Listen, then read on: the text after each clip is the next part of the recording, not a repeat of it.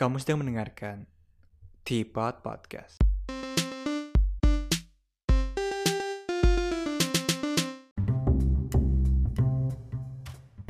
Hello, welcome back to Teapot. Balik lagi bersama gue, Finaldi Sugianto.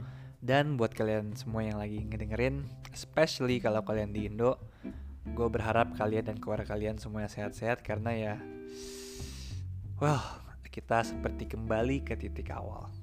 Dan itu yang mau gue ngomongin sih hari ini. Uh, kemarin tanggal 3 Juli baru aja mulai peraturan PPKM darurat lagi. Karena seperti yang kalian semua tahu, kasusnya naik tinggi banget beberapa minggu ini. Dan karena case-nya lagi banyak banget, kayak awal-awal dulu, uh, rumah sakit jadi penuh lagi, uh, tempat testing pun kemarin sempat pada rame, mungkin sekarang masih rame juga. Uh, mungkin pada panik kali ya, karena orang-orang di, di sekitar mereka mulai banyak yang terinfeksi. Well, uh, kasus harian aja kemarin sempat pecah rekor lagi hari Sabtu kemarin. 27 ribu lebih setahu gue sih. And that's a sad number I think.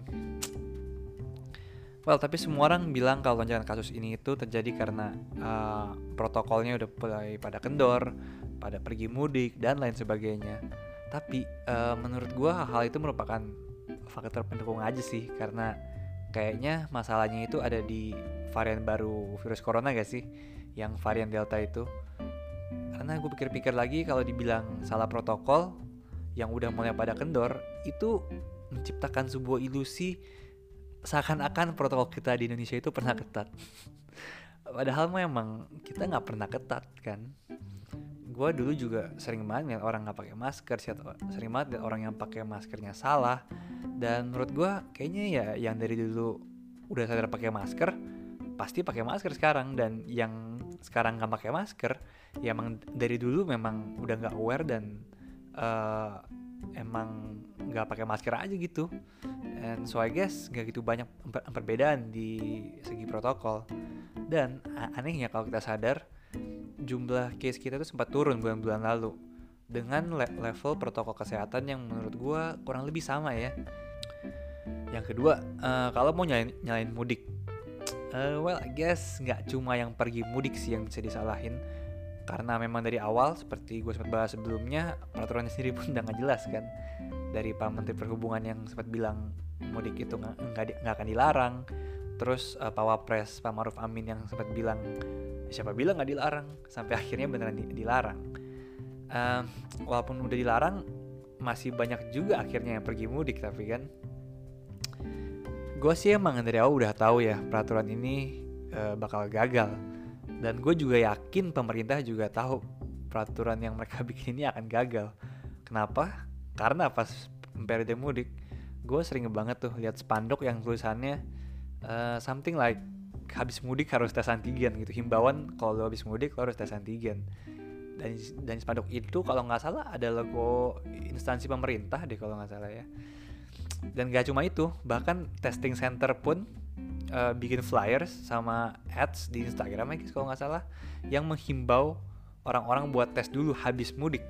Kayak di sana tuh nggak ada peraturan kita dilarang mudik gitu.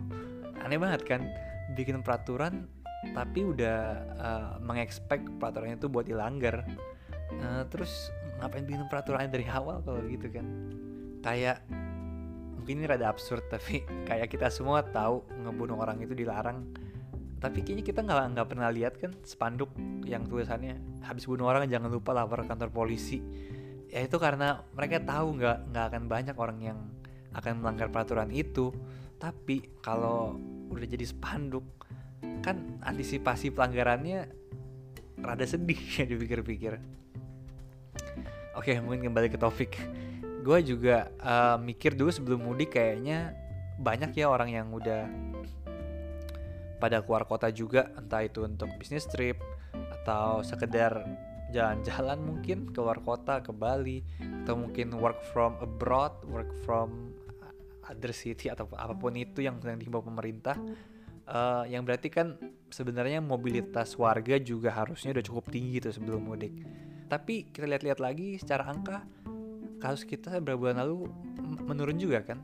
So kayaknya memang varian baru ini yang lebih serem sih menurut gue karena itu sini gue kayak mau nyalain covid varian delta aja sih yang katanya more infectious ya menurut gue masuk akal banget. Kenapa naiknya bisa tinggi banget sekarang? Dan dengan itu berarti kayaknya kita juga bisa salahin pemerintah kali ya. Karena mereka atau kita semua sepertinya nggak belajar apa-apa dari kesalahan kita sebelumnya. Kan pas pertama kali ada virus covid kalau misalkan negara-negara menutup aksesnya dari Cina mungkin sepertinya virus ini nggak akan jadi pandemi kali ya. Dan sekarang uh, ketika virus varian Delta ini muncul di India dan jumlah kasus mereka meledak banyak, harusnya kan kita dengan cepat menutup akses da dari dan ke India ya supaya varian itu nggak masuk ke negara kita. Yang terjadi malah kita ngedengar berita orang-orang yang habis dari India ini bisa berenang di apartemennya saat karantina, uh, which is pathetic I think. Uh, karena di situasi seperti ini kalau nggak bisa diawasi dengan ketat ya mendingan gak usah dibolehin balik aja gak sih kalau begitu misalnya dibilang kita kejam terhadap warga negara sendiri ya I guess kita harus melindungi warga kita yang lebih banyak gak sih dan kalau misalkan harus dikasih masuk pun harusnya dia dikarantina ekstra ketat sampai benar-benar yakin nih kalau mereka yang baru berpergian itu bersih dan gak bisa nularin virus varian baru itu. Tapi ya ini cuma opini gue sih. Mungkin bisa jadi bahan pertimbangan dan I don't know gue mungkin bukan pakar dan ya cuma pendapat gue aja. So take it with grain of salt as well. Oh iya uh, gara-gara kasus lagi naik juga gue sempet ngeliat klip yang lagi viral nih. Uh, mungkin kalian udah lihat juga sih klipnya nunjukin orang-orang yang lagi pada berebut susu bear brand di sebuah toko grosir. Sekarang udah bukan masker, udah bukan sabun cuci tangan atau hand sanitizer lagi. Karena itu kayaknya udah banyak banget ya sekarang ya dijual di mana-mana. Tapi sekarang masuk bear brand dong. Gue sempat lihat videonya sih orang-orang yang ngerusuh berebut bear brand sampai jatuh-jatuh padahal susunya jualnya kartonan. Yang bikin gue kesel itu kalau kalian sempat merhatiin videonya ada satu ibu-ibu dia ngambil beberapa karton nggak dimasukin ke troli tapi malah diberantakin gitu aja sampai berserakan di mana-mana jatuh-jatuh nggak tahu dia mau ngapain sebenarnya. Um, orang-orang bilang sih ini panic buying ya tapi menurut gue ini mah akal-akalannya pedagang aja yang mau ngeborong stok bear brand di semua tempat sih. Menciptakan ilusi kalau barang ini tuh udah jadi barang langka supaya Indian mereka bisa jualan dengan harga yang lebih tinggi. Tapi aneh ya kalau dulu hand sanitizer sama masker kan esensial ya. Jadi memang pas kosong tuh kita butuh banget barang itu. Jadi rasa scarcity-nya itu real dan kalau harganya dinaikin mungkin kita masih rela beli. Lah ini bear brand kan cuma susu sapi ya bukan obat covid. Memang sih minum minum susu itu sehat dan bisa menjaga daya tahan tubuh kita. Tapi uh, kan nggak cuma susu bear brand yang sehat bahkan susu UHT in general setahu gue juga juga banyak vitaminnya dan bisa bantu kita jaga kesehatan. Jadi gue rasa prinsipnya rada salah sih yang ngeborong barang yang I think bisa disubstitute dengan barang yang serupa juga.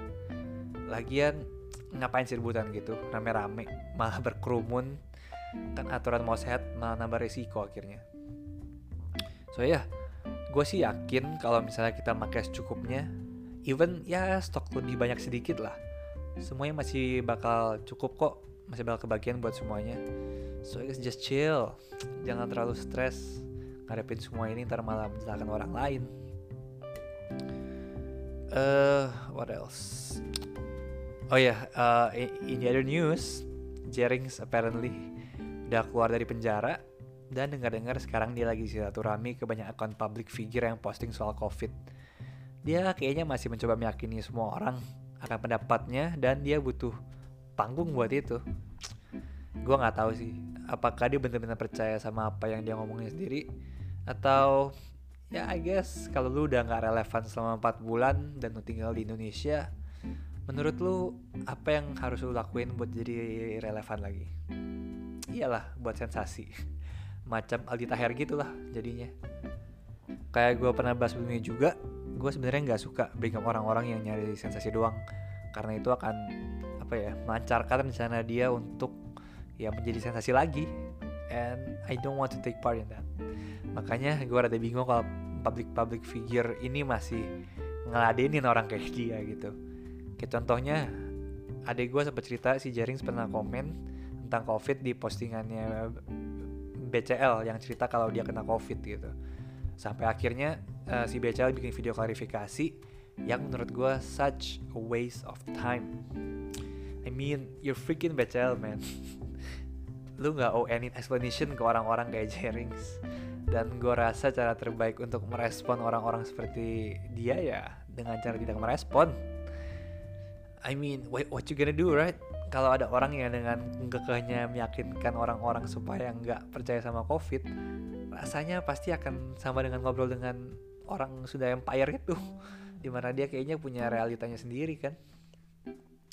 Dan seperti di episode-episode sebelumnya juga, gue sempat bilang uh, walaupun begitu, gue emang nggak terlalu setuju sih kalau dia sampai di penjara, karena malesnya ketika dia di penjara dia pasti dia tuh merasa melawan arus gitu. Dia merasa dia telah membuka sesuatu yang ingin ditutupi pemerintah yang artinya dia melakukan hal yang benar gitu. Padahal kan ya delusi kurang kerjaan aja sih menurut gue orang-orang kayak Jerings. Mendingan orang-orang kayak gitu tuh didiemin aja. Juga paling kan capek sendiri juga nantinya kan? Kalau misalnya nggak dikasih panggung daripada ladenin malah makin ngelonjak jadi kayak sekarang. Um, ya yeah, anyway uh, episode uh, hari ini sampai sini dulu aja. Mungkin uh, ya harapannya sih things will get better soon karena dengan situasi begini mulu udah bosen. Dan kita kayaknya harus kembali hidup normal sebelum semuanya jadi gila. Um, thank you buat semua yang udah dengerin sampai habis. Feels like I need to share this with you guys. Uh, seperti biasa jangan lupa follow podcast ini di Spotify dan di Instagram at underscore podcast. Let me know what you think any comments say hi or anything. Um, stay safe dan sampai jumpa di perspektif berikutnya. Bye